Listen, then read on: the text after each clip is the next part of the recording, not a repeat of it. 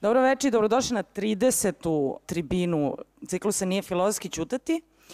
Posebno mi je drago da najavim večeras naše studente Filozofskog fakulteta koji će u potpunosti voditi ovaj razgovor večeras na temu šta će nam fakultet. U razgovoru učestvuju Tatjana Beskorovajni sa studentkinja andragogije, Ana Gavrilović, studentkinja arheologije, Aleksandar Simić, student istorija, Dragana Bulajić, studentkinja psihologije, Ema Ajdinović, studentkinja pedagogije. Moderatori će biti Justina Šibul, studentkinja klasičnih nauka i Ognjen Tomić, student istorije.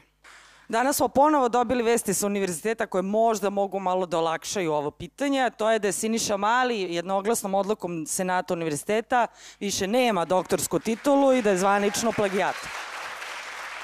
Pošto sledeće nedelje Sveti Nikola, nećemo se videti ovde, posvećene Svetom Nikoli tribina, a za dve nedelje, poslednji put ove godine, 26. decembra, opet ovog meseca filozofski ustupa nacionalnu frekvenciju, sada ustupamo na, nacionalnu frekvenciju dragim prijateljima iz Peščanika. Tako da vidimo se onda 26. Dobro veče. Uh, pošto nas je Milana već predstavila, ne moramo se predstavljati. Velika nam je čast, nama kao predstavnicima studenta ovde da učestvujemo na ovom ciklusu tribina Nije filozofski ćutati. Um, mi smo prethodnih mesec dana, recimo, možda dva meseca, razmišljali koja bi mogla biti tema tribine i u suštini još na prvom sastanku neko je predložio da to bude tipično studentsko pitanje šta će nama fakultet, pitanje koje postavljamo više puta tokom studiranja. Uh, tako da, eto, mi smo smislili neka pitanja koja ćemo pitati večerašnje goste. Uh, o tome će malo više reći moja koleginica Justina.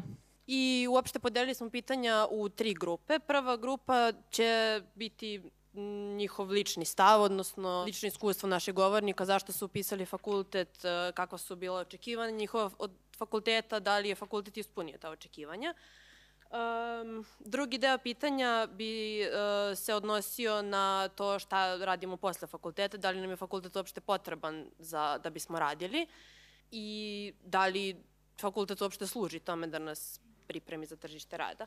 Uh, treće, treća grupa pitanja bi se odnosila na kritiku obrazovanja u Srbiji, odnosno toga šta naši govornici misle da je problem obrazovanja, da li su to možda kvote na fakultetima, zbog čega se smanjuje broj studenta, zbog, zbog čega studenti možda preupisuju privatne fakultete nego državne uh, i uopšte uh, šta misle da su najveći problemi. I uh, ja bih voleo za početak evo da postavim pitanje našoj dragoj koleginici Tanji.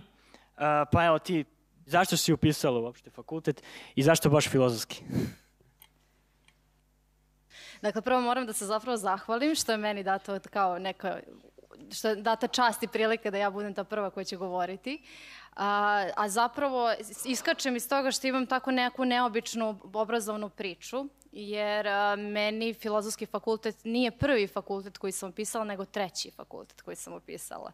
Tako da onako baš interesantan mi je bio taj obrazovni put, ali to je zapravo i dobra stvar. A, evo ukratko moram da ispričam taj mali istorijski deo da bi se uopšte, da bi shvatili zašto sam ja ovde i zašto sam se zapravo i zadržala na ovom fakultetu. Uh, ja sam završila petu Beogradsku gimnaziju i potpuno me nekako logično za mene bilo da nastavim dalje sa visokoškolskim obrazovanjem, jer jednostavno jesam bila takav tip učenika koji jeste pokazivao sklonosti ka višem obrazovanju, ka daljem uh, učenju, i bila sam jako radoznala. Nisam mogla sebe da vidim samo u jednoj oblasti. To je bio moj veliki problem.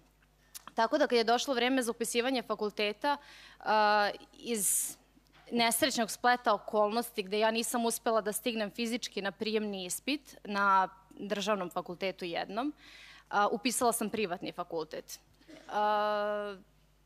Iz, zapravo završila sam na Megatrendu te godine, upisala sam fakultet za kulturu i medije. Posle četiri godine studiranja na tom fakultetu, ma kakve vi mišljenja imali o njemu, ja imam pozitivno mišljenje. Pretpostavljam da ovde izrazito negativno ovaj, se govori o privatnim fakultetima, ali ja mogu da kažem, ako već pričamo o tome da je filozofski fakultet kolevka to kritičkog razmišljanja, ko razvija kritičko razmišljanje, moje kritičko razmišljanje i otvorenost u prezentaciji, u govoru, u slobodnom izražavanju jeste počelo na megatrendu. A, kada, smo do, završ, kada sam došla do četvrte godine studije tamo, pitala nas je profesorka a, kako se osjećamo povodom toga što smo sada četvrtaci, što je to četvrta godina prošla, to je četiri godine studiranja prošle tako brzo. I a, tada sam rekla jednu rečenicu koja je dan danas meni lično ostala urezana, a to je da mi je znanje nedovršeno. Ali ne zbog megatrenda i njegovog programa logičan e, smer, odnosno logični pravac mog daljeg obrazovanja bio je master i upisala sam na Fakultetu političkih nauka, e, master javna uprava, lokalna samuprava i javne politike. Uh, I zaista sa visokim ocenama sam sve ispite položila. Nikada nisam završila master rad iz jednog jedinog razloga, to je zato što za te dve godine dok sam bila na masteru saznala sam za andragogiju a, nekako čudno se ona uvukla u moj život. Ja ranije za andragogiju nisam čula pre toga, do eto te dve godine dok sam bila na master studijama na političkim naukama.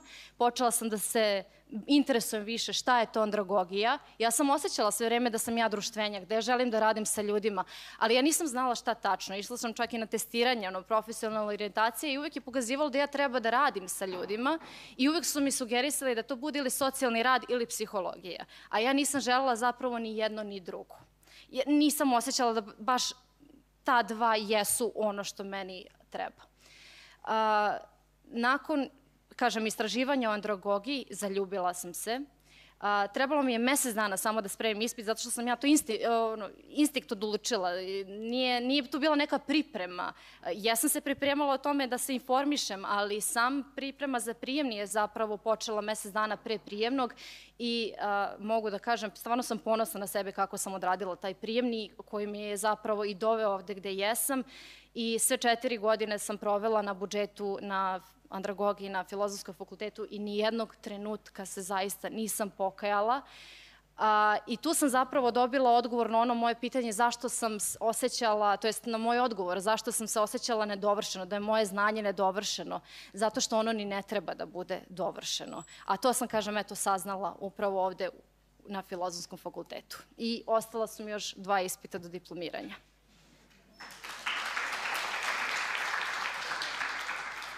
Dragana, da li bi nam ti rekla nešto šta si ti očekivala od ovih studija i da li su tvoje očekivanja ispunjena, da li bi ponovo to upisala?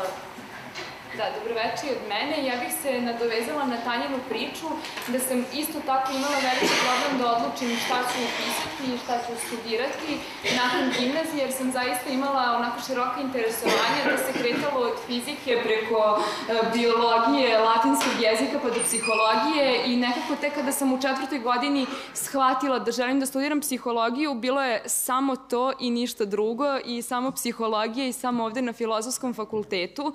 Tako da je neko moje očekivanje zapravo i nadanje bilo da samo želim da upadnem na ovaj fakultet jer su kvote vrlo niska, prima se samo 88 ljudi, svake godine se prijavi pe, oko 500 ljudi i prosto kada sam shvatila da sam upisala fakultet i da tek treba da krene negde taj moj studentski život, onda sam bukvalno očekivala samo da preživim te studije i kao da li ću se dovoljno dobro adaptirati i da li sam ja zapravo spremna i dovoljno onako kompetentna i angažovana da to e, završim. E, kada sam krenula sa studijama e, imala sam da drugačije očekivanja od realnosti koja me ovde snašla, a to je da nekako prve dve godine studija psihologije ne izgledaju onako kako bi to ljudi očekivali. Mi svi negde i studenti brucoši i laici više misle da ćemo biti orijentisani na neku kliničku psihologiju, psihoterapiju, to je prosto neka predstava kako studije psihologije izgledaju, međutim ono što nas ovde e, zadesi kada stignemo, to je mnogo statistike, mnogo metodologije, e, mnogo fiziologije, biologije, raznih tako nekih e, opštih, bazičnih znanja i bilo mi je teško da se prilagodim na to i da shvatim kako zapravo taj moj početak studija će na kraju oslikavati tu moju profesiju i da li ću ja dobiti ovde i naučiti sve ono po šta sam došla i šta sam želela i sada kada sam četvrta godina uh, mogu samo da kažem da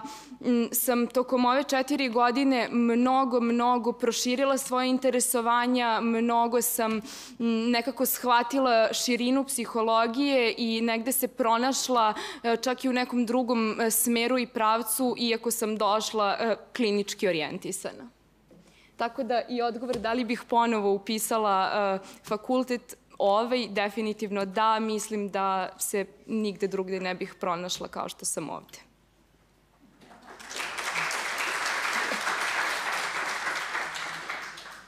I evo za kraj ovog uvodnog dela da će nam se malo učesnici predstaviti. Ja bih još želeo da postavim pitanje Ani. Uh, E, dakle, još reci nam nešto o svom iskustvu kao studenta. E, da li je studiranje promenilo tvoje razmišljanje i koja je uopšte uloga fakulteta u tvom životu? E, ja sam student arheologije, kao što ste svi već čuli, i moram da se zahvalim arheologiji kao jednoj specifičnoj disciplini koja se zapravo jel te, uči na ovom fakultetu.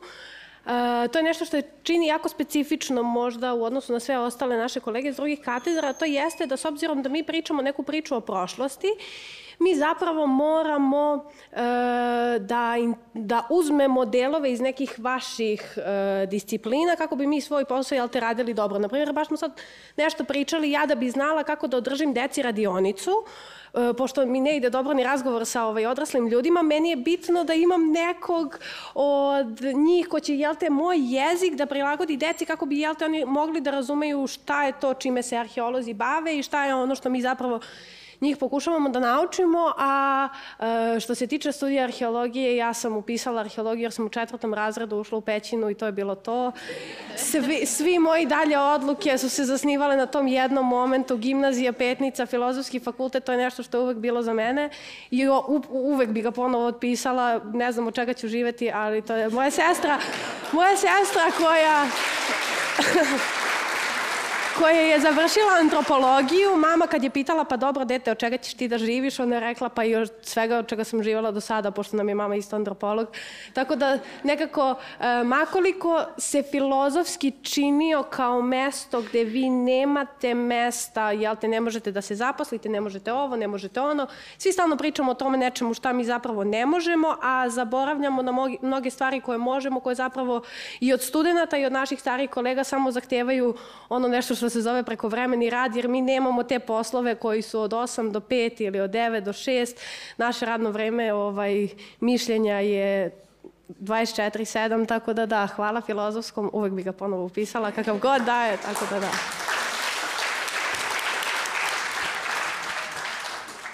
Pitamo se da li nas fakultet uh, priprema za tržište rada, da li studenti filozofskog fakulteta i uopšte upisuju fakultet sa idejom da će morati da prođe nekakve prakse da bi mogli da počnu da rade nešto i uopšte sa idejom da nešto rade. Pošto ovaj, ja, ja kad sam upisivala fakultet, ja sam upisala fakultet samo zato što je meni to tako divno i prelepo mi je i ništa, imam 4, 5, 6, upisat ću razne nivoje studija 10 godina da smislim šta ću ja da radim. I imam utisak da uopšte uh, svi studenti filozofskog fakulteta tako razmišljaju. Kakvo je uh, vaše iskustvo? Da li bi ti, Dragana, mogla da nam kažeš nešto o tome ka, uh, da li nas fakultet priprema zaista za rad ili samo za tako, razmišljanje 24 sata dnevno?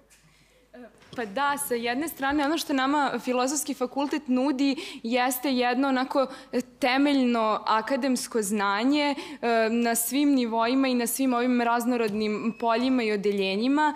E, i da, ovo je mesto gde mi negde naše kritičko mišljenje razvijamo, gde imamo mogućnost da e, neke probleme sagledamo iz različitih disciplina, gde, gde god da se nađemo prosto na bilo kom radnom mestu, u bilo kojoj organizaciji, mislim da mi s ovog fakulteta zaista možemo da uočimo onako i neke probleme i da pružimo adekvatna rešenja tih problema i da prosto iz nekih naših različitih uglova sve to sagledamo. Međutim, kao što onako i svima deluje, to je da naš fakultet nema dovoljno prilika da se mi praktično negde oprobamo, što bih zaista osporila i što nije tačno, jeste da je naš fakultet prilično raznorodan i da u zavisnosti od odeljenja neka odeljenja imaju obavezne stručne prakse na kraju četvrte godine, neka i tokom možda i ranijih godina studija.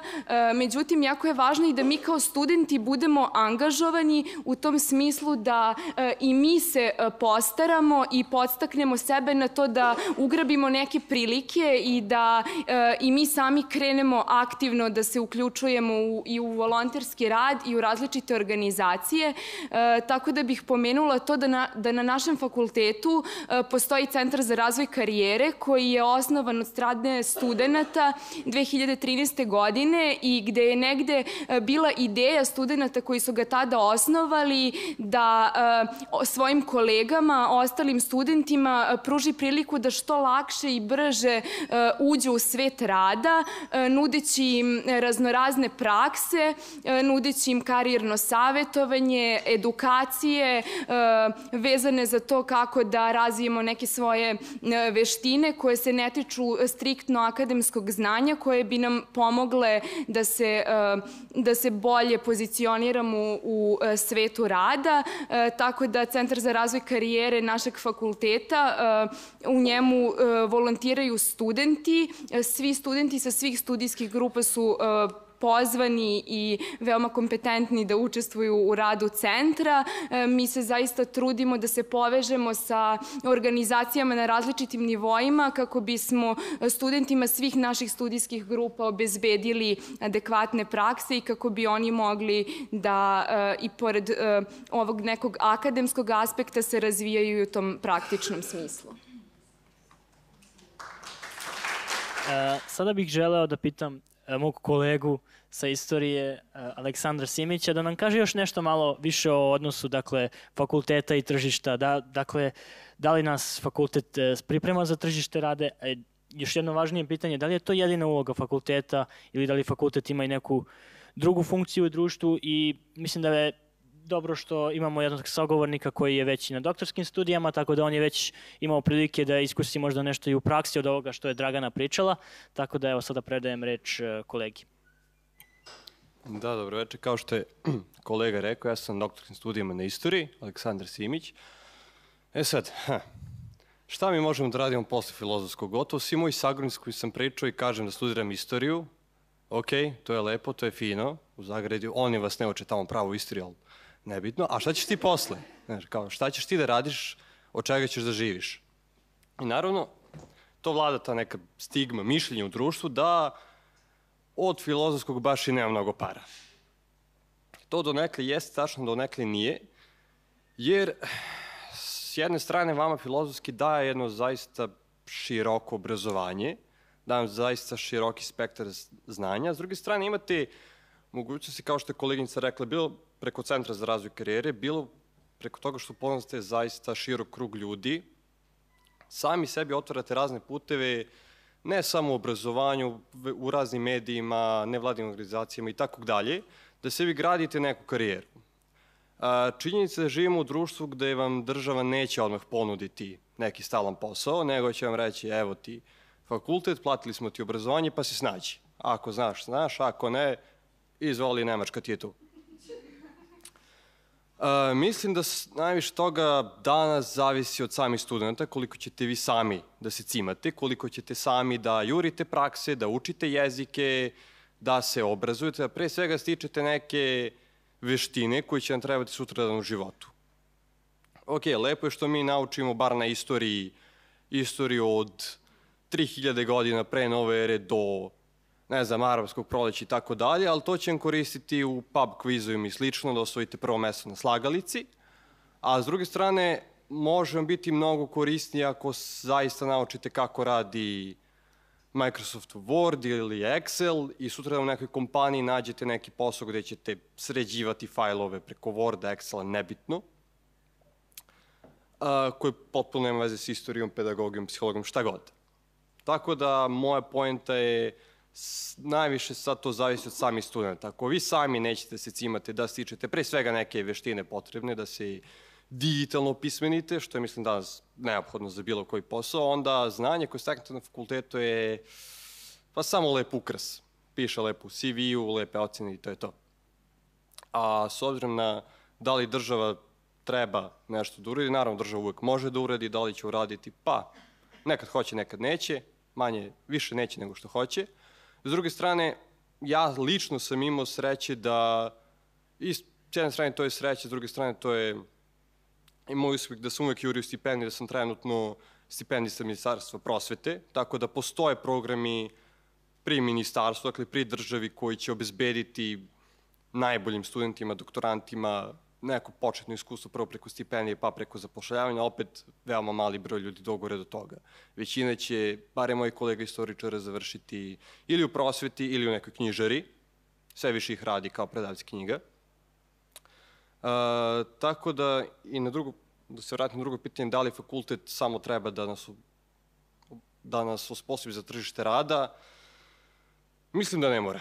Mislim da je važno da vi steknete neko iskustvo kako izgleda manje više kako izgleda taj neki odrasli život, kako izgleda kada vi možete da razmišljate svojom glavom, da uporedite svoje mišljenje sa svojim kolegama, profesorima na tribinama, konferencijama i tako dalje, da steknete neko iskustvo kako svet funkcioniše, kako stvari funkcionišu. Kad počnete, na primjer, da jurite razne papire pri fakultetu, onda se lepo susretnete sa administracijom, ako ne ranije.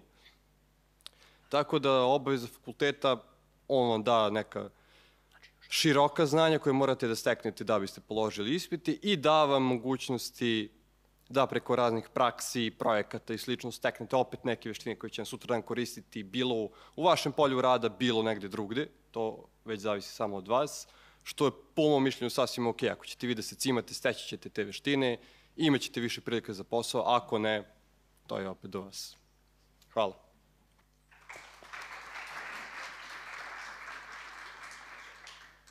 Da li bi ti, Ema, imala nešto da dodaš na temu toga, a, da li nas fakultet osposobljava za kritičko mišljenje, a, da li i koliko je filozofski fakultet imao uticaj na tebe u tom smislu? Pa mislim da je naš fakultet poznat, ali ozloglašen po tome što dosta veliki akcenat stavlja na to razvijanje kritičke svesti. Konkretno na mom smeru, ja sam na pedagogiji, mislim da je tako i na drugim dosta se stavlja akcenat na to da mi treba da postanemo samosvesni i svesni sobstvenog okruženja, da posjedujemo nekakvu moralnu autonomiju, jer tek onda kada ja budem imala izgrađen neki sistem vrednosti i kada budem bila dobar čovek, ja ću moći da budem i dobar pedagog. Ove, ovaj, mislim da je tako uglavnom u oblasti svih humanističkih nauka. E, s tim što e, mislim da studenti filozofskog imaju tendenciju da se mnogo drže nekakvih ideologija koje misle da im otvaraju um ili da ih oplemenjuju, a zapravo ih ograničavaju jer njihov taj neki uh, pogled zapravo doseže samo dokle, dotle uh, su te njihov, ti njihovi ideali i ne umeju da iskorače izvan toga. Um, ono što mislim da je uh, karakteristično za sve studente e, filozofskog je to da se oni e, osjećaju veoma e, usamljeni u tome što gaje nekakvi, nekakav moralni kodeks, jer mi smo tu da stalno iskritikujemo nešto, ali smo dosta onako usamljeni, u tome i izolovani, osjećamo se kao da smo u nekom vakumu i kada izađemo izvan ovog fakulteta ili izvan prostorije, pošto postoji dosta ovaj, i među smerovima sujeta, kamoli ovaj, izvan fakulteta, dočekani smo sa nekakvom uh, realnošću koja vrednuje sasvim druge stvari, uh, to jest ne vrednuje ono što mi vrednujemo uh, uopšte. Uh, I naravno da je sve to lepo da mi da mi prosto imamo taj izgrađen sistem vrednosti, ali ja ne mogu da se koncentrišem na to ako to ne postoji u nekakvoj stvarnosti. Tako da, to dosta smo sad čuli onako da kažem prilično optimističnih i pozitivnih stvari o tome kako treba da radimo, kako ćemo biti nagrađeni za naš rad. Međutim, svi znamo kakva je situacija u društvu i u ostalom ovaj ciklus tribina i pokušava da na neki način osvetli stanje u društvu o kome ne sme da se govori. E, tako da sada bih želeo da postavim pitanja našim e, gostima, da malo sada da kažemo iskritikuju kako samo mladi ljudi umeju da iskritikuju. E, dakle, e, šta je po vašem mišljenju najveći problem obrazovanja u Srbiji? To će biti pitanje za sve. Ali prvo dajem reč koleginici Jani. Uh, sad, uh, pošto, jel te, mi ovde pričamo o fakultetu, onda da se baziramo, jel te, samo na fakultetsko obrazovanju, ne na sve uopšteno obrazovanju. Prvo što mislim da je, bi možda bio najveći problem na filozofskom je to što Bolonja kao sistem po kome mi studiramo još nije do kraja usvojena, odnosno ima tu nekih raznih sivih zona po kojima pretpostavljam da se ova ide i na drugim smerovima, ne samo kod nas. Uh, Uh, ono što bi meni možda kao jednom, na prvom mestu kreativnom biću, ovaj, stvaralo najveći problem jeste to što nisam osjećala sigurnost ni ranije u obrazovanju ni na fakultetu do četvrte godine, da zapravo ono što ja zovem mojim fiks ideje, odnosno ti neki mali projekti koji spajaju moje ljubavi sa arheologijom i odnosima sa javnošću, niko to nije prepoznavo. I niko zapravo mene nije vuko za rukav do jednog jutra kad ja nisam bila u fazonu, dobro, sad ću ja nešto da uradim, imam klub, imam načine na koji zapravo kroz fakultet nešto mogu da radim. Um, još nešto što bi zapravo bila studentska greška u samom obrazovanju jeste po meni što uvek tražimo mnogo lakši izlaz koji se zove skripta. E, iz mog iskustva literatura može da nam ponudi mnogo više u tom kreativnom delu, da vi čit, zapravo kad čitate neko delo iz, ne znam, 70-ih, 80-ih, 90-ih i kad malo više ulazite u čitav taj sistem istorije ideja vaše struke i kako su se ljudi u nekim vremenima snalazili zapravo da svoju struku predstave, na primjer, javnosti ili koje su oni probleme kako kad rešavali. Mislim da to zapravo e, taj deo nekako zaboravljamo i da na taj deo treba više da se fokusiramo, jer će zapravo to da nam pomogne uh, da sebi sredimo ovu situaciju sa kojom, jel te, niko nije zadovoljan. E, takođe, još jedna stvar, do duše za prethodno pitanje, izvinjavam se sad što ću da se vratim, e, jeste e, studentska podrška e, kolegama e, koji se, jel te, bave ovim našim naukama u nekim poduhvatima kao što je bilo obaranje e, konkursa Ministarstva kulture pre dve godine, kad se studenti, uopšte studenti nisu znali da se to dešava. Ja nekako apelujem na sve studente da oni moraju da budu upućeni šta se dešava u stvarnom svetu njihovog disciplin, njihovih disciplina, da bi oni znali kako da se uključe, kako da reaguju, kakve politike i planove da prave za budućnost, da ne bi stalno sedeli i žalili se. Tako da to je moj odgovor. Hvala.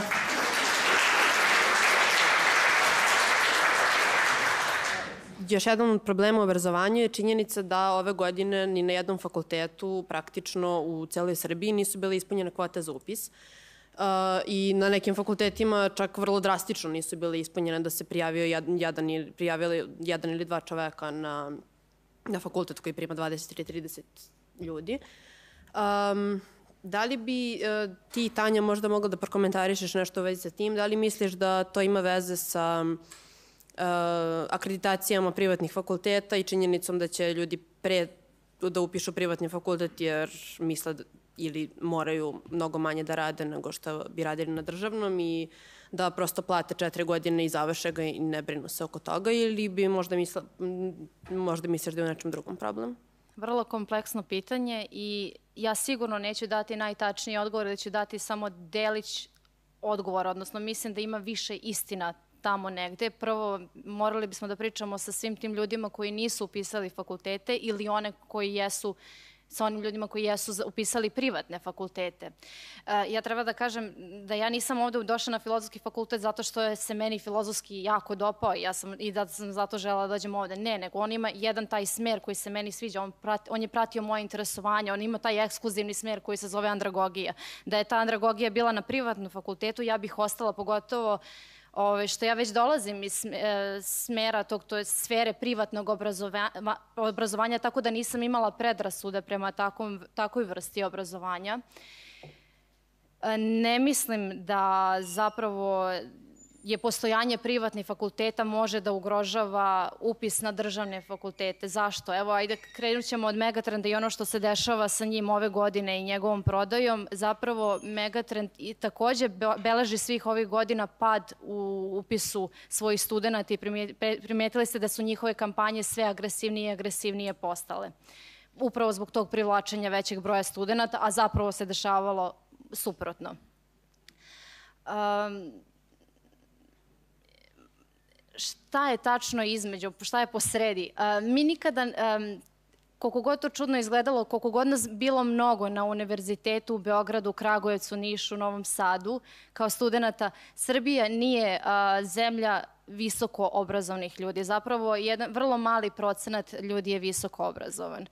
I nekako mene ne čudi taj pad, jer zaista se lakše nalaze uh, poslovi sa nekim skillovima, odnosno ako vi umete, ako umete nešto da uradite, uglavnom manuelni poslovi.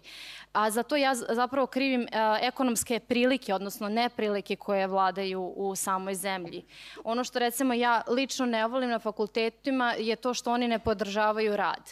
Um, s obzirom da ja jesam bila jedan od starijih studenta, to jest dosta kasno sam upisala ovaj fakultet, to jest ovaj filozofski sam započela da studiram kada sam imala 24 godine i meni je bilo vrlo teško zapravo da kažem mojim roditeljima, izvinite, ali vi ćete mene finansirati još naredne četiri godine. Mene to zaista pogađalo i htela sam da nađem posao koji bih mogla da radim istovremeno sa fakultetom, međutim, kada sam počela da se raspitujem kako bi se to uklopilo sa filozofskim, odnosno mojim obavezama na njemu, da ja budem redovan student i da dokažem da jeste ovaj fakultet ono što, je, što sam želela, um, nisam naišla na odobravanje. Prvo, uh, dobila sam šamar u vidu ružnog komentara jednog asistenta. To je jedina zapravo ružna stvar koja mi se desila na fakultetu srećom, a to je da ja svoje obrazovanje, to jest moj boravak na ovom fakultetu ne smatram ozbiljno, a ja sam zapravo samo želela da olakšam jednim delom svojim roditeljima, a i zašto ne. Na, sa Megotrenom ja jesam im dobila prilike da pored toga što sam redovno išla na, na predavanja i da redovno polažem ispite, imala sam prilike mnogo više da se angažujem kao student kroz razne projekte, nevladine organizacije. Moj CV je vrlo šarolik. Kao što sam rekla, vrlo sam radoznala osoba i htela sam da probam sve. I to mi je Megatrend omogućio, to je dao mi je kao opciju. Ovde ja to nisam baš iskusila kao opciju, nego sam morala prilično da se posvetim samo studijama. Eto, to, tako da možda eto, u tome leži stvar, što možda ne možemo da uklopimo visoko obrazovanje sa zarađivanjem novca. Da li to ima veze sa zahtevnošću fakulteta? Ovde prosto većina studenta smatra, ne znam, sedi 7, 8, 10 sati na fakultetu, posle toga ima da uči, da radi domaće, da radi ne znam šta još 5, 6, 7 sati, treba imati nekakav društveni život. Uh, da li to ima veze prosto sa tim što je ovaj fakultet zahtevniji od nekog privatnog fakulteta? E, to je vrlo diskutabilno zato što su svi fakulteti pravljeni za prosečne osobe. Dakle, i državni fakulteti i privatni fakulteti, ajde, relativno pravljeni su za prosečno uh, inteligentne osobe, ne visoko nadarane osobe. I to svima treba da bude zaista jasno. Uh, visoko inteligentne osobe, to hoću da kažem. Uh, privatni fakultet možda je recimo lakše upisati, ali je na Megantrendu bilo onih učenika koje studenta tačnije koji nisu mogli da ispune očekivanja profesora. Ja jesam dolazila na ispite tako što sam izlačila pitanja i odgovarala uh, i treba prosto prvo da shvatimo da su ti profesori koji predaju na privatnim e, fakultetima su uglavnom sticali svoje znanje na državnim fakultetima. Dakle, između ostalog i na ovom fakultetu. E, diskutabilno je govoriti da oni ne mogu da vam prenesu kvalitetno, dovoljno kvalitetno znanje ako oni već sami jesu sticali svoje na jednom od ovih državnih fakulteta za koje mislimo da su nešto više rangirani, odnosno da si, da si ti privilegovan kao student kada dođeš ovde. Um, da li je lakše završiti Megatrend? Mislim da, mogu da kažem da jeste. U tom smislu bilo što uh, neki ispiti jesu prilično olakšani, ali opet ne svi. Što znači da ako ne sednete i ne, ne, ne zagrejete stolicu za taj ispit, vi svakako nećete završiti fakultet, jer vi, vaš će taj ispit koji jeste komplikovan kočiti. Jer vi da biste završili fakultet, vi morate svi, svi, sve ispite da date.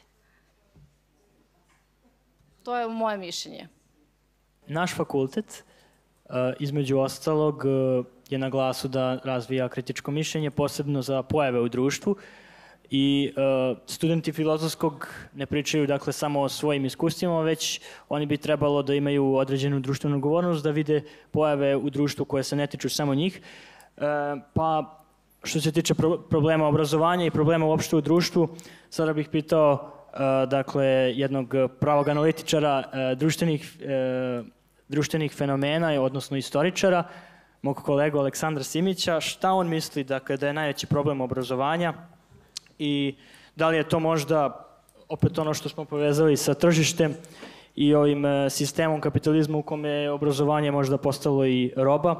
E, da li je onda problem možda i e, to što neki fakultet, što imamo s druge strane inflaciju fakultetski obrazovanih, dakle nezaposlene mlade fakultetski obrazovane i posljedično tome njihov odlazak u inostranstvo, odnosno odliv mozgova, svi znamo o tome, svi znamo koliko e, godišnje naših lekara e, u koje je država uložila puno odlaze da rade u Nemačkoj.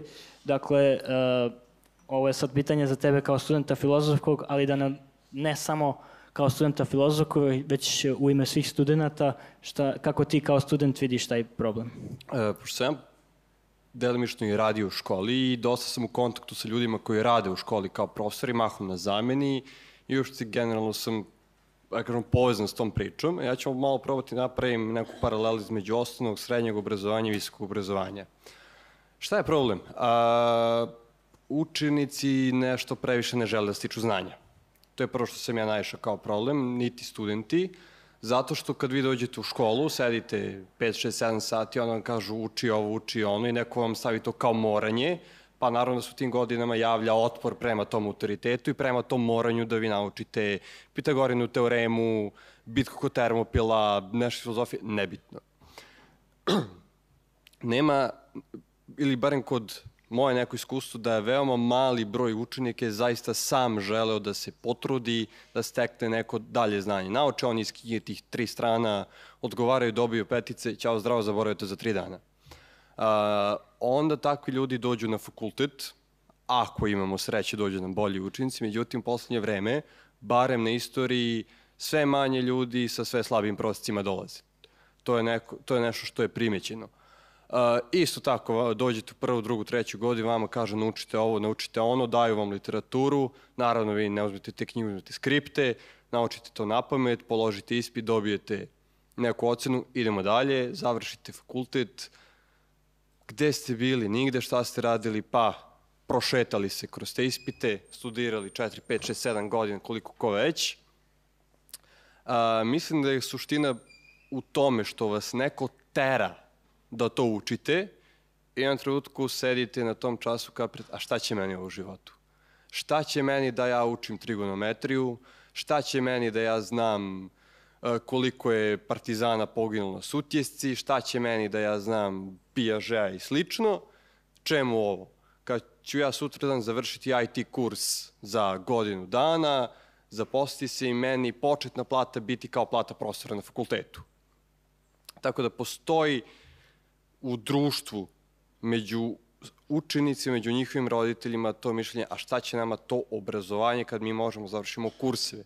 Pogotovo što sada preko YouTube-a imate gomilu besplatnih kurseva o robotici, o IT, o bilo čemu gde možete sami sebe da naučite ako želite. E onda pitate, odete u školu, pitate učenike, ok, evo ti imaš na YouTube-u bilo koju lekciju tri puta zabavnije objašnjeno, da li si pogledao? Ne, on je gledao nešto sasvim levo. A, s druge strane imamo, živimo u digitalnom dobu, a zabava je daleko pristupačna nego pre 20 godina, kamoli nego pre 50. A, s jedne strane vi sednete da učite, ispred vas je knjiga koja je pisana po standardima pre 20 godina, 30, 50, koliko već, da je sve to malo suvoparno napisano, je sve to šareno, ima slike, onda vi odete na Facebook, Instagram, Twitter, YouTube, gomila stvari koje su 15 puta zanimljiviji.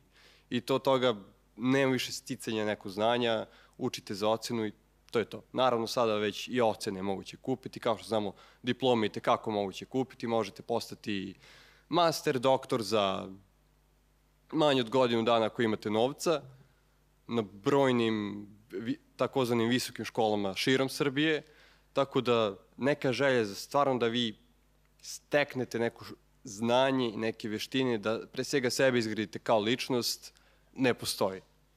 A onda studenti, to su učenici, studenti koji se stvarno sede godinama i radi na sebi, stiču ta neka znanja, stiču ta neka iskustva, dođete u stvarni svet sa sredinom 20-ih, imate 25-6 godina, treba da radite, konkurišete za posao, prvo čujete svuda priče da se zapošljava preko stranke, da se zapošlja preko veze i onda se već na početku, ako ste optimista, pretvorite vrlo rano u pesimistu.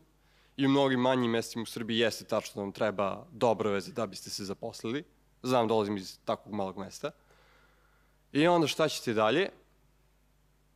Pa, uh, ili da radite neki posao koji ne volite, ne želite, koji, se sla, koji je slabo plaćen, a opet težak, kao većina poslova danas, ili da se iselite, što se nama dešava da imamo pravi, pravu seobu naroda ka zapadu Evrope, pre svega Austrija, Nemačka.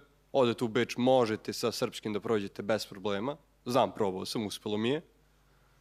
E, I šta onda da radimo? Hm. Da li država treba da uradi? Treba. Da li država može?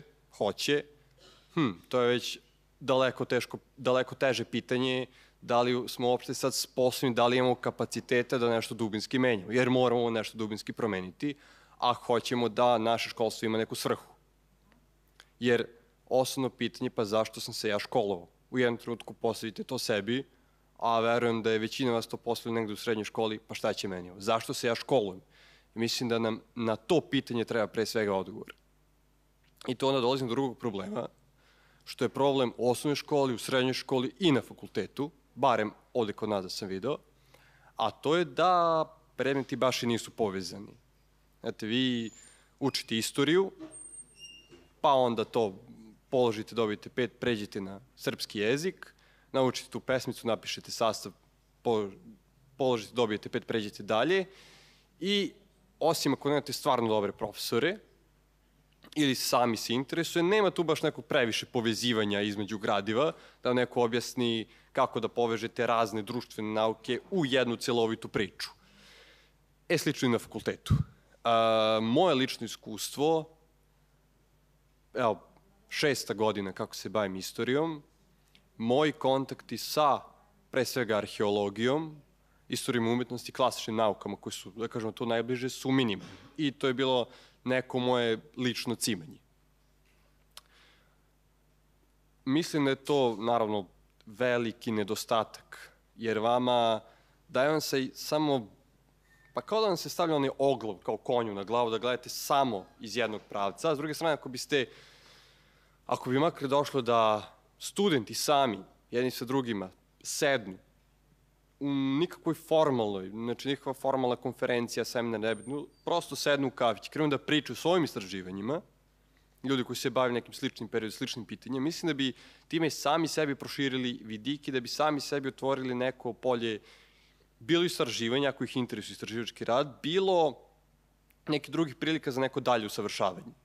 Jer opet svako od nas ima neko svoje sobstveno iskustvo i kad uporedimo te iskustva, nekako nam se javlja, skapiramo da to iskustvo može se daleko više oplemeniti. E sad, mi možemo da sedimo ovdje da kukamo, pa da, profesori ništa ne rade, pa da, uprava ništa ne radi, pa da, ministarstvo ništa ne radi.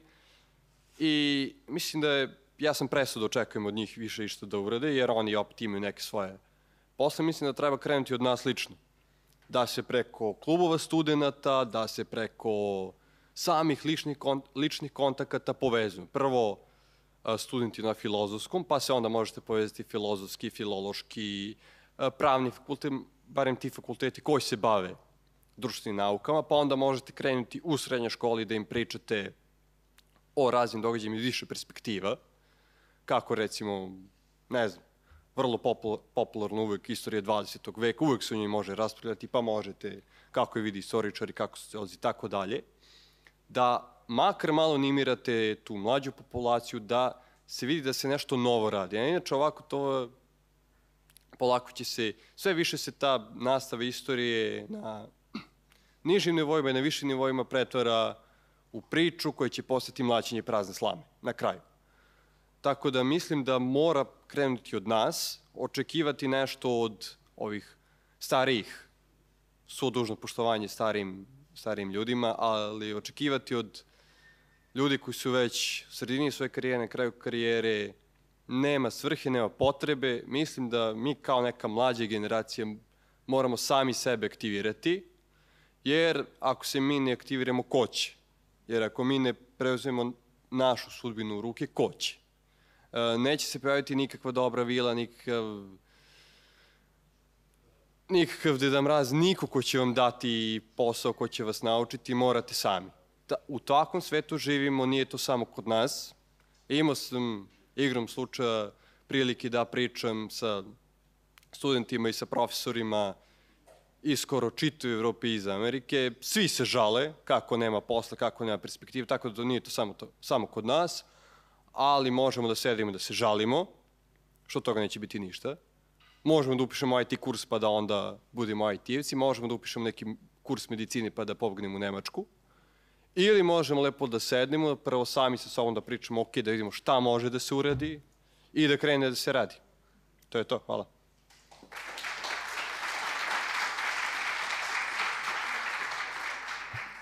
Jel mogu ja da dodam nešto kao Andragog na, apropo sve ovoga, ali za, zaista kao Andragog, zato što ovde sam čula nešto s čime se zapravo ne slažem, a i dosta se diskutovalo o tome na, na andragogiji. Odnosno, kolega je iznao stav da se mi kao mladi dovoljno ne trudimo da dobijemo to obrazovanje. Um, ne mogu baš u potpunosti da se složim sa tim, odnosno uh, profesori koji nama drže te predmete, geografiju, istoriju, um, sociologiju, na, krenuši od dakle, osnovne škole, srednje škole, oni se prvi ne identifikuju kao nastav, nastavnici. Oni se identifikuju kao sociolozi, oni se identifikuju kao istoričari. Uh, oni sebe tako gledaju. Ne kao nastavnici, kao neko ko ima ulogu da prenese znanje, nego kao neko ko brani svoju struku, odnosno ekonomiju, istoriju, i ta, predstavnik zapravo svega toga. A to su dve potpuno različite stvari i to su dva različita posla.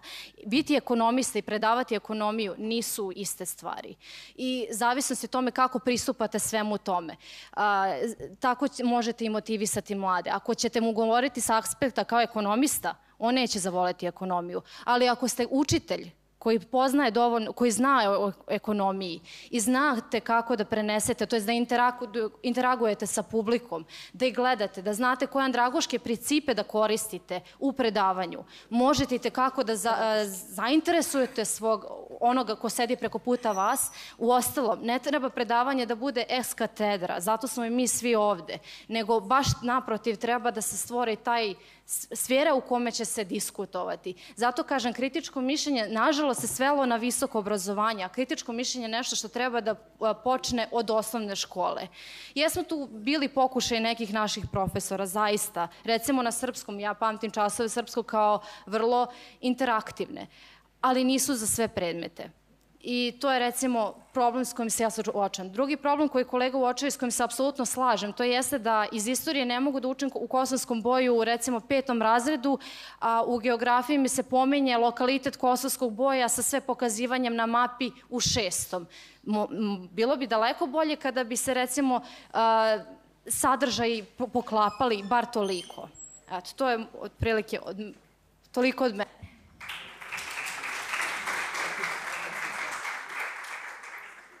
Da li bi ti, Ema, imala nešto da dodaš na ovu temu još? Pa mislim da kada pričamo o ovoj temi da moramo da se osvrnemo i na neku dnevnu politiku, to je da smo svedoci u poslednje vreme toga kako upravo oni ljudi koji koji imaju moć e, necene obrazovanje ili su svoje e, obrazovanje stekli upravo e, zbog te moći i novca. Zato i mislim da je ovaj sistem toliko privlačan nekom običnom čoveku, zato što mu zapravo pruža mogućnost da ima neko zvanje i upravo moć bez bilo kakvog truda za to isto ili možda nekakvog uh, osjećaja. E, takođe ovde se stalno pomenja nekakvo tržište rada. Ja, ja mislim da ja ne postojim na tržištu rada, ne da mu ne odgovaram, zato što tržište rada je u skladu sa nekakvom uh, kapitalističkom ideologijom koja traži uh, nešto pipljivo, materijalno, ne, nekakav uh, gotov proizvod, ali uprkos tome ne mislim da sam uh, beskorisna, niti da, moja, da je moja nauka beskorisna i da odumire, zato što ne može da bude beskorisno i da odumire nešto što se bavi samim čovekom. Ne mislim iz nekog svog egocentrizma da je ovo čime se bavim važno, nego zato što je upravo važno za sve nas. Sa druge strane, mnogi pričaju uh, o tom kao pesimizmu, optimizmu. Ne mogu da budem potpuno pesimistična uh, pa da kažem kako su neki drugi nešto sve odredili unapred za mene, jesu, ali ja kao pojedinac ili mi kao grupa smo sposobni i treba to da menjamo, ali takođe ne mogu da budem optimistična i samim tim naivna čak pa da kažem kako je sve do mene i kako ja mogu da pokrenem nešto dok se ne pokrenu neki mnogo veliki i važni ljudi jer sam ja u, poređenju sa njima mala i nemoćna. Ove, tako da mislim da na kraju sve moramo sagledati sa nekog ličnog i sa kolektivnog nivoa, um, ali da, da je obrazovanje jako važna stvar, samo što se danas ne smatra tako važnom stvari. E, čuli ste šta dakle misle mladi, mladi studenti o ovim problemima.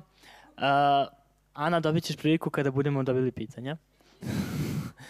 E, dakle, sada reč dajemo vama, poslednjih pola sata tribine, e, publici. E, očekujemo vaša pitanja. Situacija u našem obrazovanju je katastrofalna. Prvo, posljednji ovaj slučaj sa Nebušom Stefanović i Megatrendom, koji vi zdušno branite, e, praktično ovaj, pokazuje koliko je naše obrazovanje palo. Zato što je on polagao neke diferencijalne ispite, polagao u Sava centru, polagao pod nekim vrlo čudnim okolnostima i dobio zato diplomu. Znači, na taj način on je mogao da kupi diplomu. E, zatim, sama, sam billboard zaviš, završi megatrend i pali To je najne, najstrašnije što sam ja čula uh, u posljednje vreme. Taj billboard i koga je napisao treba da snosi krivičnu odgovornost. Jer šta on znači? Završi megatrend i pali, znači idi odavde. A to znači boriš se protiv ovog naroda Ostaju stari, ostaju penzioneri, odlaze mladi i ko ostaje ovde? Ko će podići ovu zemlju? Taj billboard završi Megatrend i pali, zaslužuje krivičnu odgovornost i robiju tog gospodina koga je napisao. Zato što tera našu omladinu da ide iz zemlje. Mi se uzdamo u vas. Međutim, nažalost, danas je partijsko zapošljavanje. Vi imate dva ministra koja su završila praktično pod veoma čudnim okolnostima i dobijali diplome, pre svega Nebojša Stefanović. To je čitava jedna afera u kojoj, koja treba da se da se ispita, međutim ne znam ko će ispitati. Zato što smo u prošli, skoro čuli od Agencije za borbu protiv kriminala da njeg, njegov otac Branko Stefanović nije uopšte kriv. A ima sa mladima zato što mladi moraju da se uključe Ali nije sve na uključe mladima. u, zato što je njihov njihov profesor fakul, vlasnik Megatrenda Megatrenda praktično samo da budete taj billboard. Pitanje je zašto se mladi više ne uključuju u društvena zbivanja? Zbog čega, recimo, nema više... Zašto je ovaj amfiteatar poluprazan? Gde su studenti i drugih fakulteta? E, praktično sve te ovaj, diplome sa privatnih fakulteta su veoma problematične. Mora da postoji jedna, jedna kontrola rada na privatnim fakultetima, na privatnim fakultetima i na državnim fakultetima. Ja vam govorim kao neko koji je u penziji. Ja sam završila medicinu, internu medicinu, završila sam ovaj, i magisterijum i tako dalje. Moji profesori su se trudili da nam uliju znanje, a današnji profesori su na medicinskom fakultetu nešto što im je student nužno zlo. Oni se ne trude da im uliju znanje, nego jednostavno, molim vas, vas. smirite se. Nije moje predanje. Ja govorim o situaciji u društvu, a vi...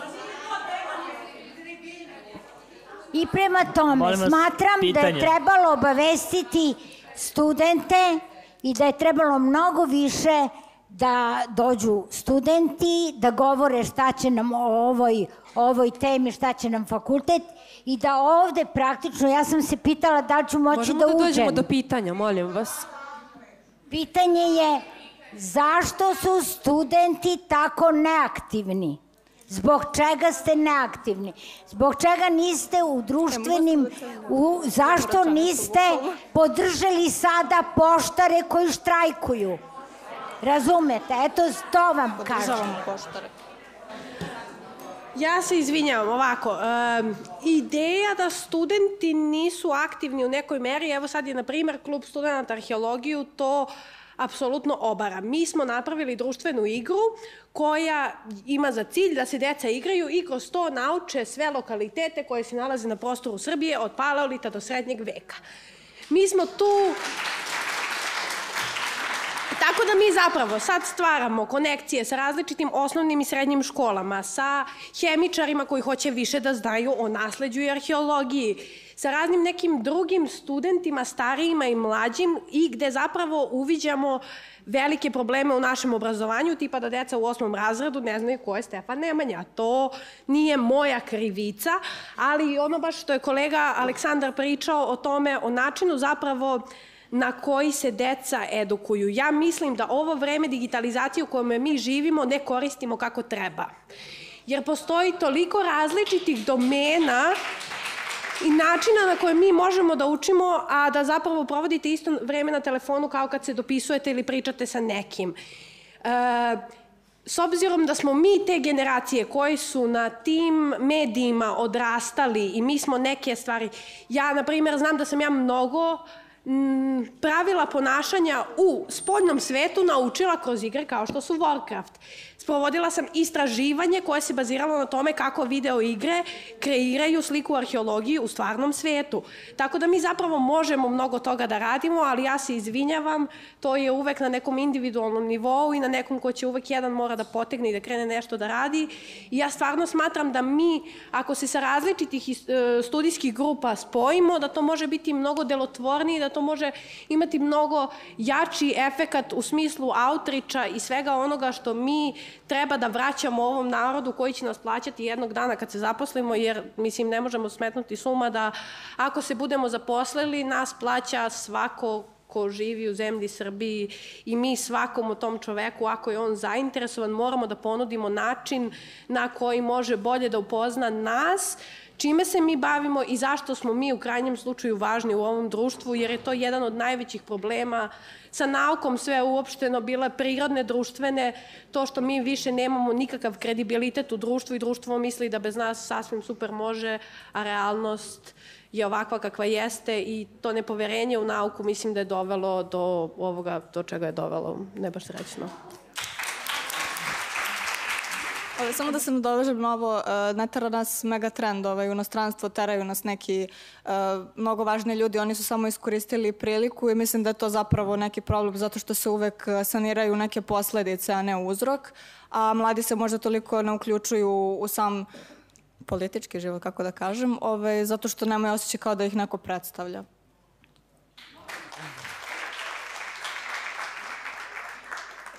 Dobro večer svima. E, ja sam Slađana Nedeljković, studentkinja mastera na Fakultetu političkih nauka. Evo ovako, ovaj, htela bih da se držimo ovog pitanja šta će nam fakultet. E, moje obrazovanje mi je pružilo, da kažem, odgovor na ovo pitanje, a to je da prvo, obrazovanju u Srbiji treba dosta pomoći, to pod broj jedan, zato što, recimo, ja sam završila novinarstvo i komunikologiju, Na moju profesiju, slobodno mogu da kažem, bac, bačena je ljaga u svakom smislu, moralnom, etičkom i tako dalje. Apropo toga, to me i dalje ne sprečava da idem ka toj profesiji, da se bavim e, njome na jedan častan i normalan način. Tako da ovo pitanje je šta će nam fakultet? Fakultet je zapravo osnovno obrazovanje. To je znanje koje vi stičete, koje vam daje širinu, realan pogled na svet, a onda, vas, e, onda vam realnost kad izađete sa fakulteta lupi još veći šamar, da se dozovete pameti i da shvatite da sve zavisi od vas. E, kolega Aleksandar je rekao jednu pametnu stvar. Mi ne možemo da sedimo i da čekamo da život dođe po nas. Mi moramo da živimo da se trudimo i da napredujemo, da idemo uz vetar, iako je on ide protiv nas. E sad, da ja ne bi pričala i mlatila praznu slamu, daću vam jedan primer. Recimo, ovaj, uh, gospođa je rekla to privatno obrazovanje, državno i tako dalje. Uh, ja opet polazim od toga. Uh, šta ste vi ponudili mladima da bi ostali? Uh, pogledajmo ovako, ja učim iz knjige koja je pisana u doba komunizma. Dakle, ja se učim osnovama koje su učili moji preci i novinari koji su verovatno radili na RTS-u, otišli u penziju ili i dalje rade na RTS-u, pošto tamo obično rade, da kažem, stariji ljudi. E sad ovako, uzimajući u obzir celokupnu tu sliku, treba da shvatimo jedno, a to je da mi putom u nepoznato ili udaranjem glavom o zid ne dobijamo ništa. Dakle, potrebno je da se izvrši reforma čitavog obrazovnog sistema u Srbiji. Mi smo napredovali, mi smo otišli dalje od telepjutera, ko, o kome ja i dalje učim na svom fakultetu, jer jel te, bitno je da ja znam da su nekad neki novinari u nekoj redakciji koristili ogroman neki telepjuter. Mi danas treba da se uvedemo u digitalno doba, u doba gde smo mi jedno veliko globalno selo i da mi zapravo pratimo tehnologiju, ali tako, da imamo digitalnu pismenost. Digitalnu pismenost treba uvesti na način da se i istorija i arheologija, recimo, i druge nauke uče na jedan, da kažem, savremeniji način. Zato što uh, bi neshvatljivo bilo da moje dete uči na isti način na koji sam učila ja, kada će tad verovatno postati roboti možda koji će predavati u školama i ne znam ni ja šta. Dakle, bitno je da sledimo i tehnologiju i napredak, ali isto tako da mlade ljude motivišemo, ali i sami mladi ljudi da budu motivisani da se bore za svoje mesto na ovom svetu. Jer da. kad dođete na fakultet, oni vam kažu jednu Ako veliku može laž. malo uh, konciznije da bi drugi Konciznije, stigli. okej. Okay. Uh, ne, kakav akademski građanin? Mislim, nisi ti akademski građanin ako dođeš i ono kao najstrašnije isprozivaš kolegu, ti kao redovno polažeš ispita, ali ništa ne radiš od svog života. Akademski građanin si onda. Kada izađeš sa fakulteta, sa potrebnim znanjem, odeš i onda to znanje primeniš. Dakle, teorija i praksa, a ne samo teorija. Toliko.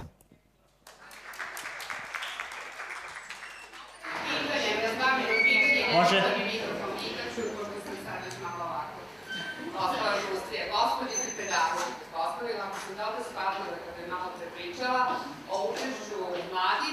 I spomenula je u političkom životu i da, e, kako sam ja shvatila, ne osjećate potrebu zato što e, ne možete, povlačite se ste mali jer nema ko da vas predstavlja.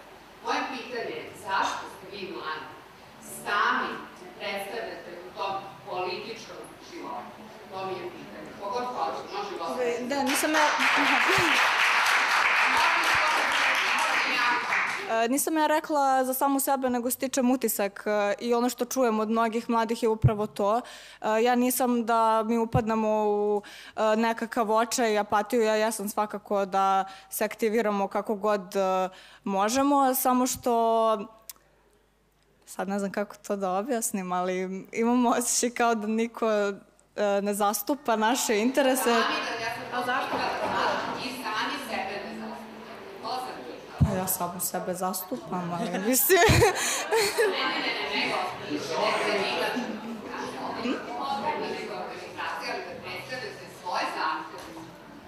E, Pa organizacije postoje mnoge, manje ili više uspešne, ali morate imati na umu i to da e, nisu svi mladi, ne smatraju da ovo društvo loše. Postoje, ne znam, programeri i takvi ljudi koji, ovaj, e, kojima je stvarno sjajno, oni se dobro snalaze.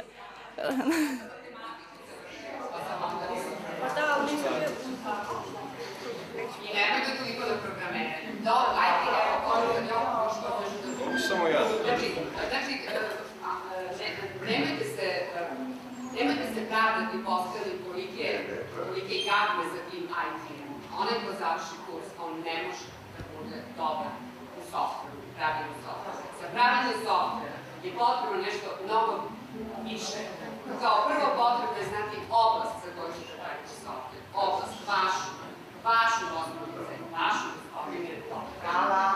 To je prava stvar. Eto, o tome se radi. Nemojte se, znači, nemojte da vam to bude opravdanje. Pa jadna zajke. Hvala.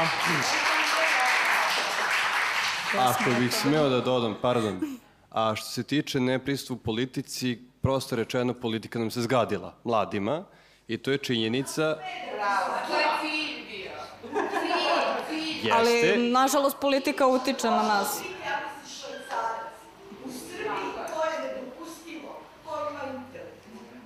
ne, u Srbiji su svi politični, to je činjenica.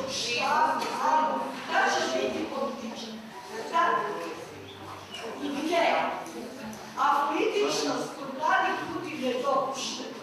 Pravo da kažem. Ali je to cilj.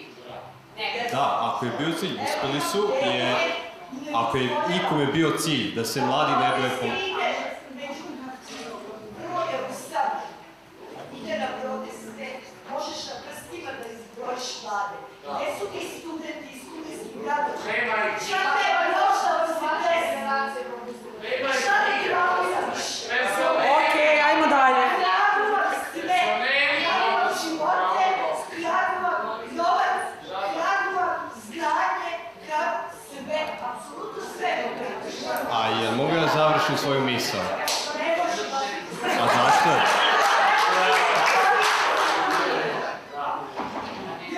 Aleksandar. A, hteo bih da čovjek ne, nisam rekao Gospođo, za sad pričam. pustite ga da za završi. generaciju.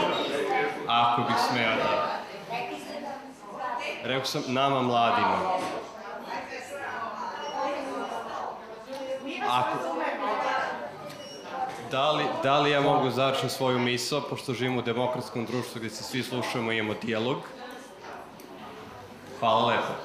Dakle, a, pričao sam s nekim svojim kolegama, da, opšte mišljenje među mladim danas se politika zgadila, jer setimo se studentskih protesta 96. 7. Setimo se protesta 2000. Da se setimo što se tad rodili. Mi smo tad došli u ovo društvo. Ja sam istoričar, pričam to malo drugačije. A, setimo se protesta, bili su u 2017. mladi ljudi se aktivirali. Međutim, a, protestima se teško i sporo menjaju stvari. To je činjenica. A, osim ako ne izađe pola miliona ljudi, teško se sporo menjaju stvari. A onda vidite da ljudi koji su protestovali 90-ih, koji su kasnije došli na vlast, koji su sproveli tu, nazovimo je revoluciju 2000-te, lepo su se uhlebili i u suštini nisu dovoljni do kakve promene. Da ono što se očekivalo od njih da urade, oni nisu uradili. Uh, Srbija nije postala neka super fancy zemlja u Evropskoj uniji, nije postala neka Češka Estonija. Mi smo posle 20 godina opet se vrtimo iste priče, opet se svađamo sa Hrvatima o nečemu, opet imamo svoje vekovne neprijatelje. I onda kad vi kao, kao mlad čovek kada pogledate tako, kada pogledate kako politika funkcioniše i na državom i pre svega na lokalnom nivou, da svako ima svoju cenu, da se skoro sve može kupiti. Vi ako želite budete ideolog, vi možete da pričate o svojoj ideologiji, da, kako se to lepo kaže, filozofirate, ali toga baš nešto nema leba. A vi morate od nečega da živite. Znate, vi morate nađete neki posao i onda, ako se zadesite u nekoj manjoj sredini, gde vam posao i vaš, vaš budući opstanak zavisi od nekog svemoćnog predsednika opštine, e pa onda ćete malo da siđete na zemlju, da se malo odreknete svojih ideala da biste sutra dan preživili. Nažalost, takva je stvar. A, svi smo svesni šta, kako se misle o današnjoj politici, da je to jedno bezvredno zanimanje, to je da je to jedno nečasno zanimanje, ne bezvredno, izvinjujem se, nečasno, i sad mladi ljudi koji uopšte ne žele da se uprljaju tom kaljugom koje je poslala srpska politika, i balkanska i svetska, a, traže neke, neke druge izlaze. Druga stvar, danas je lakše nego ikad uceliti se u Nemačku, Austriju, bilo gde, na Novi Zeland. Od 1. januara 2020. biće mnogo lakše uceliti se u Nemačku. I onda, s jedne strane, vi vidite, u Srbiji traje borba za neki bolji život od Titove smrti i kasnije, pa i ranije, a nikako da dođe taj bolji život, a imate prečicu do Nemačke gde kad slušate priče, to su uglavnom pozitivne priče kako je to srednji sistem. Uzimam Nemačku kao primjer, to može biti bilo koja zapadna evropska zemlja. Gde je tamo srednjen sistem, gde se tamo zna kako se gde tamo ne morate da kupujete posao, gde tamo odete, nađete posao za par meseci sa platom koja je nepojmiva za naše uslove, 2000 evra, 2500 evra. I onda ja prvi imam razumevanje za svoje kolege, za svoje bilo kolege sa fakulteta, bilo uopšteno mlade ljude koji idu tamo, koji hoće tom prečicom da iskuse malo tog, kako da kažu, normalnog života. I ako sve da kažem za IT sektor, tačno nisam u IT sektoru, možda se vi rekli to istina, ali u društvu se misli da ako vi završite IT kurs, vi ćete naći posao. Da, tako ste i rekli. Tako ste i rekli, zapravo istorija i doktora. Da. IT će mi mnogo više pomoći. Da. Šta ste da se... Ja samo moram da vas podsjetim na pozitivan primer aktivizma mladih, odnosno konkretno studenta koji ovde napadamo i za koje kažemo da se ne, ne interesu politiku, ko je zapravo osporio i doveo, to jest na preispitivanju javnost, legitimitet doktorata Nebojše Stefanovića ako nisu studenti. Ko je blokirao rektorat? Siniša, Siniša.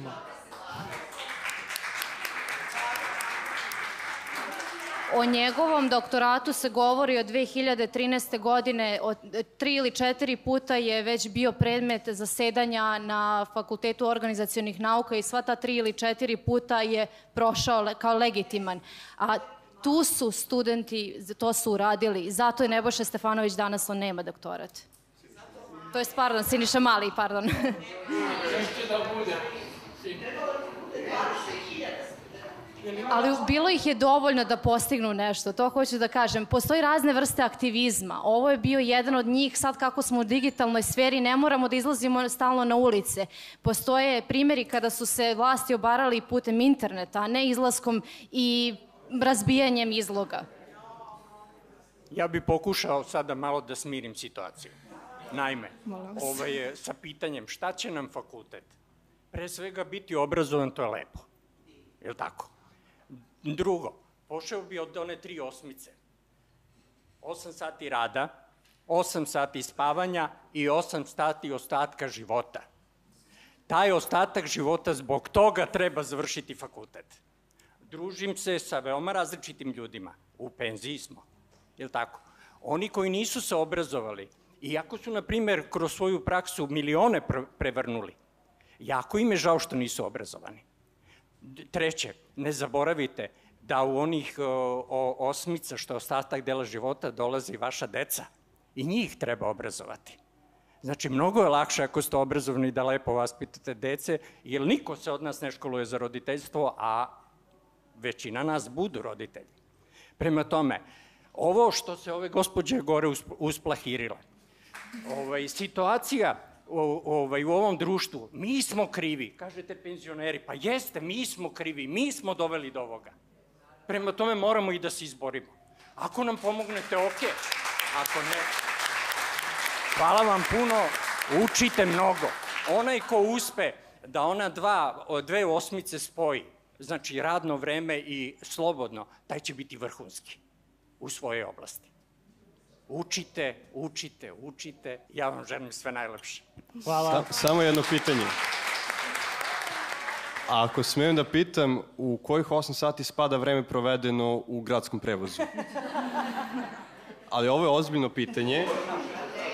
Pa može i pod fakultet da spadne ako znaš kako da ga spadne. Da, da. A iz ličnog iskustva pokušavao sam 8 sati da radim, jedan dan mi uspe sledeća dva ne. Tako da... Vidite, ja sam imao ovako, ovako iskustvo. Završio sam tehniku i otišao sam da radim u fabriku. I u fabrici ovaj, šef mi je bio sorbonac. Čovek koji je završio školu u, u Francuskoj. Prvo što mi je dao, to mi je dao knjigu o industrijskoj psihologiji. Znači, psihologija Da. Evo, ako bih ja mogao možda nešto da, da dodam na ovu temu, često se može čuti da kao da smo mi neki prokleti narod, kao da je kod nas, nama u genetici da imamo korupciju, da imamo takvo društvo, ali da li to u stvari kreće od obrazovanja i da li je to u stvari najbitnija stvar, zato što se ne ulaže dovoljno u obrazovanje i onda izlaze ljudi koji nisu sposobni za društveni život. Možda su sposobni da rade nešto, ali nisu sposobni da razmišljaju i zato imamo dakle, takvu i političku situaciju i socijalnu i sve drugo. Ja moram da kažem da sam došla malo skeptična na ovu tribinu sa željom da čujem šta mladi misle i očekivala sam da će da, kaže, da je, ide, da je onaj, zaključak da nam fakultet u stvari i ne treba, jer mnogi ljudi rade bez fakulteta, preko veze, preko ovog, preko ovog. Ja sam impresionirana onim što sam čula danas od vas, sa koliko ozbiljnosti shvatate da je obrazovanje trajno, a da su ovakve situacije privremene i svaka vam čast. A, mi smo malo mlađe, a, sada treba da upišemo fakultet i imamo sklonosti ka nekim naukama kao što su filozofija, književnost i slično. I okruženi smo jako lošim stavom da birati neperspektivno filozofiju, književnost, jezik, istoriju nije pametna ideja. Ovaj, čak i profesori kojima se obraćamo za pomoć i za ne znam, ne, neko usmerenje i kako da razmišljamo i da li je, da li je vredno ići za onime što volite ako nemate od čega da živite. Um, tako da je moje pitanje šta je vama presudilo i šta vam je pomoglo da se ipak odlučite za filozofski fakultet? Ja mislim da je negde iz ove naše priče ovde jasno da je kod svih nas presudila ljubav prema onome što, čime želimo da se bavimo i da smo baš iz tih razloga i upisali fakultet i da se negde pokazalo da ukoliko smo zaista intrinzički motivisani, ako je to nešto što mi zaista želimo, da ćemo imati i snage i volje da se trudimo i borimo, jer koji god fakultet da upišete, fakultet nije lak. I uvek ćete nailaziti na brojne prepreke i bit će mnogo problema i ukoliko je na sve to još uh, niste pokrenuti tom ljubavlju i time da zaista želite da studirate to što volite, mislim da će vam biti mnogo teže.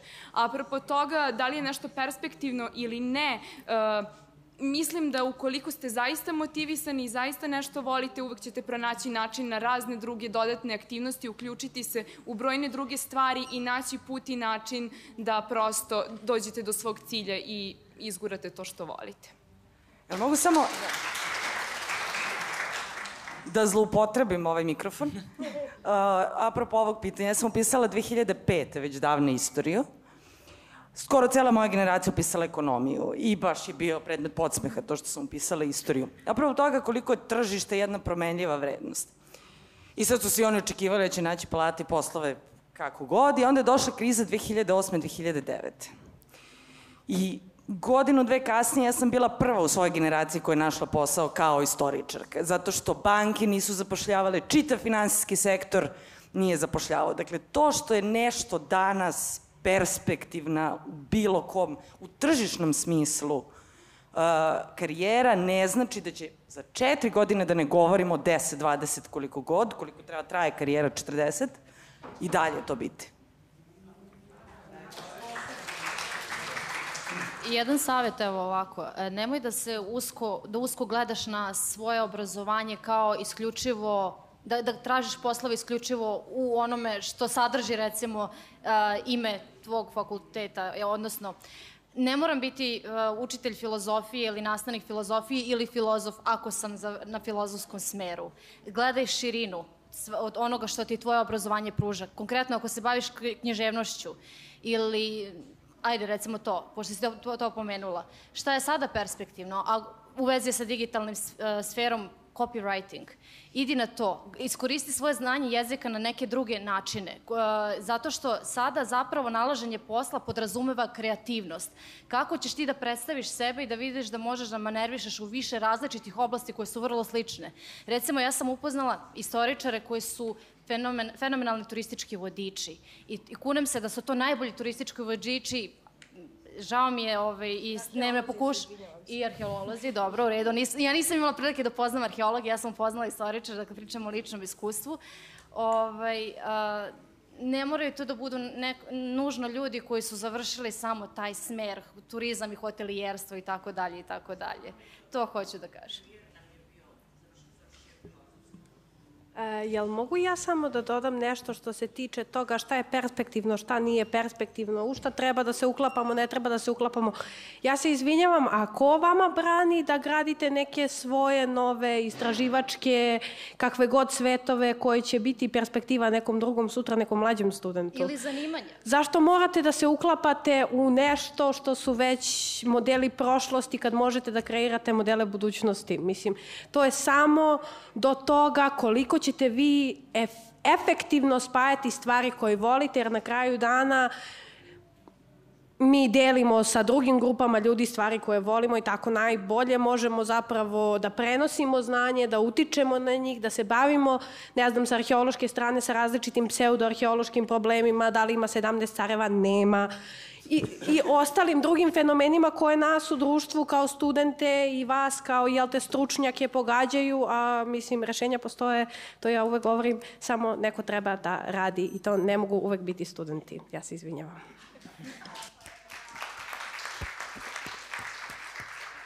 Ja sam četvrta godina medicinske škole i trebalo bi da upišem fakultet ove godine. Na osnovu toga htela bi da se nadovežem na temu koju ste govorili o izolovanosti znanja.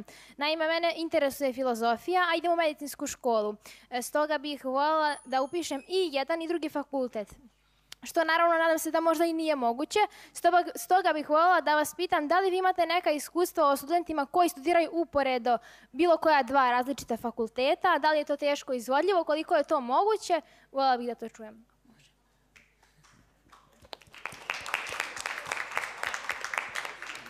Uh, mislim da ta dva fakulteta koja si navela uz medicinski ne bih preporučio ni jedan drugi, ali uh, svakako uh, ne mora samo na fak fakultetski da se studira nešto da bi se učilo. Uh, predavanja na filozofskom fakultetu su otvorena za sve, tako da ako zaista želiš da upišeš medicinski, možeš da upišeš medicinski, ali da dolaziš i na filozofski fakultet na predavanja filozofa, da slušaš o tome što voliš. Poznajem nekoliko ljudi koji su to uradili. Eto. Um, ovo će malo, mislim, bit će delom pitanje, delom odgovor, delom konstatacija. Uh, prvo, ja sam ovde možda malo crna ovca, zato što ja studiram na tehničkom fakultetu i voljela bi samo da kažem iz te malo strane, da kažemo perspektivnije, kao što ste rekli.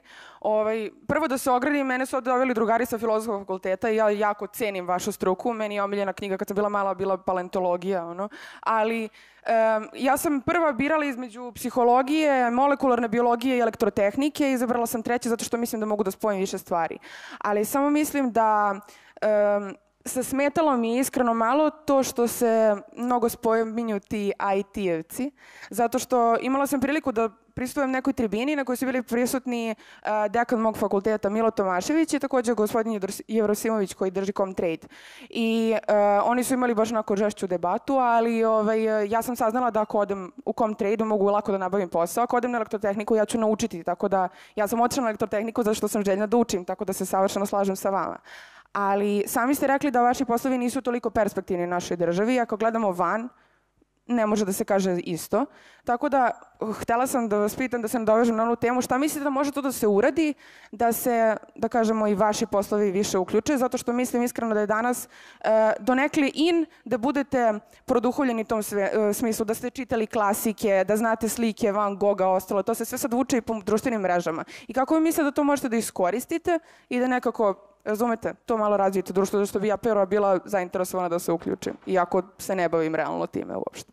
Pa okej, okay, kao što sam ranije pričao, pre svega da mi sedimo i se govorimo šta mi sami prvi radimo, jer kao što rekoh, ja kao istoričar sam veoma malo dodirimo sa arheologijom, klasičnim naukama i ostalim naukama, a onda kako mi da izađemo u svet među ljudi da predstavimo to što mi radimo i zašto je to nekom bitno, zašto smo mi relevantni da stalno pričam ljudima, ok, ovo je bitno zbog toga, toga i toga. Bitna je sociologija, bitna je filozofija, bitna je istorija. Možda je to način da prvo mi pričamo sami, sami sa sobom, to jest u, u okviru filozofskog, pa onda kasnije da probamo da se povezamo sa drugim. Naravno, i, e, ja sam spomenuo društvene fakultete, ali i e, prirodne i tehničke nauke. Da vidimo da li postoje neka mogućnost povezivanja nekog zajedničkog izlaženja u javnost, nekog zajedničkog predstavljanja ne, nekih novih mogućnosti.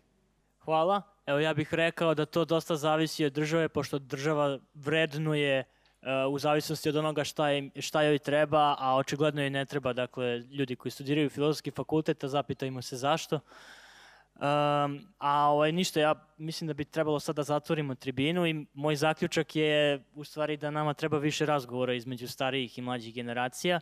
Mislim da je... E, hvala vam svima što ste bili na svim komentarima. Bilo je jako zanimljivo i vidimo se na nekoj od sledećih tribina.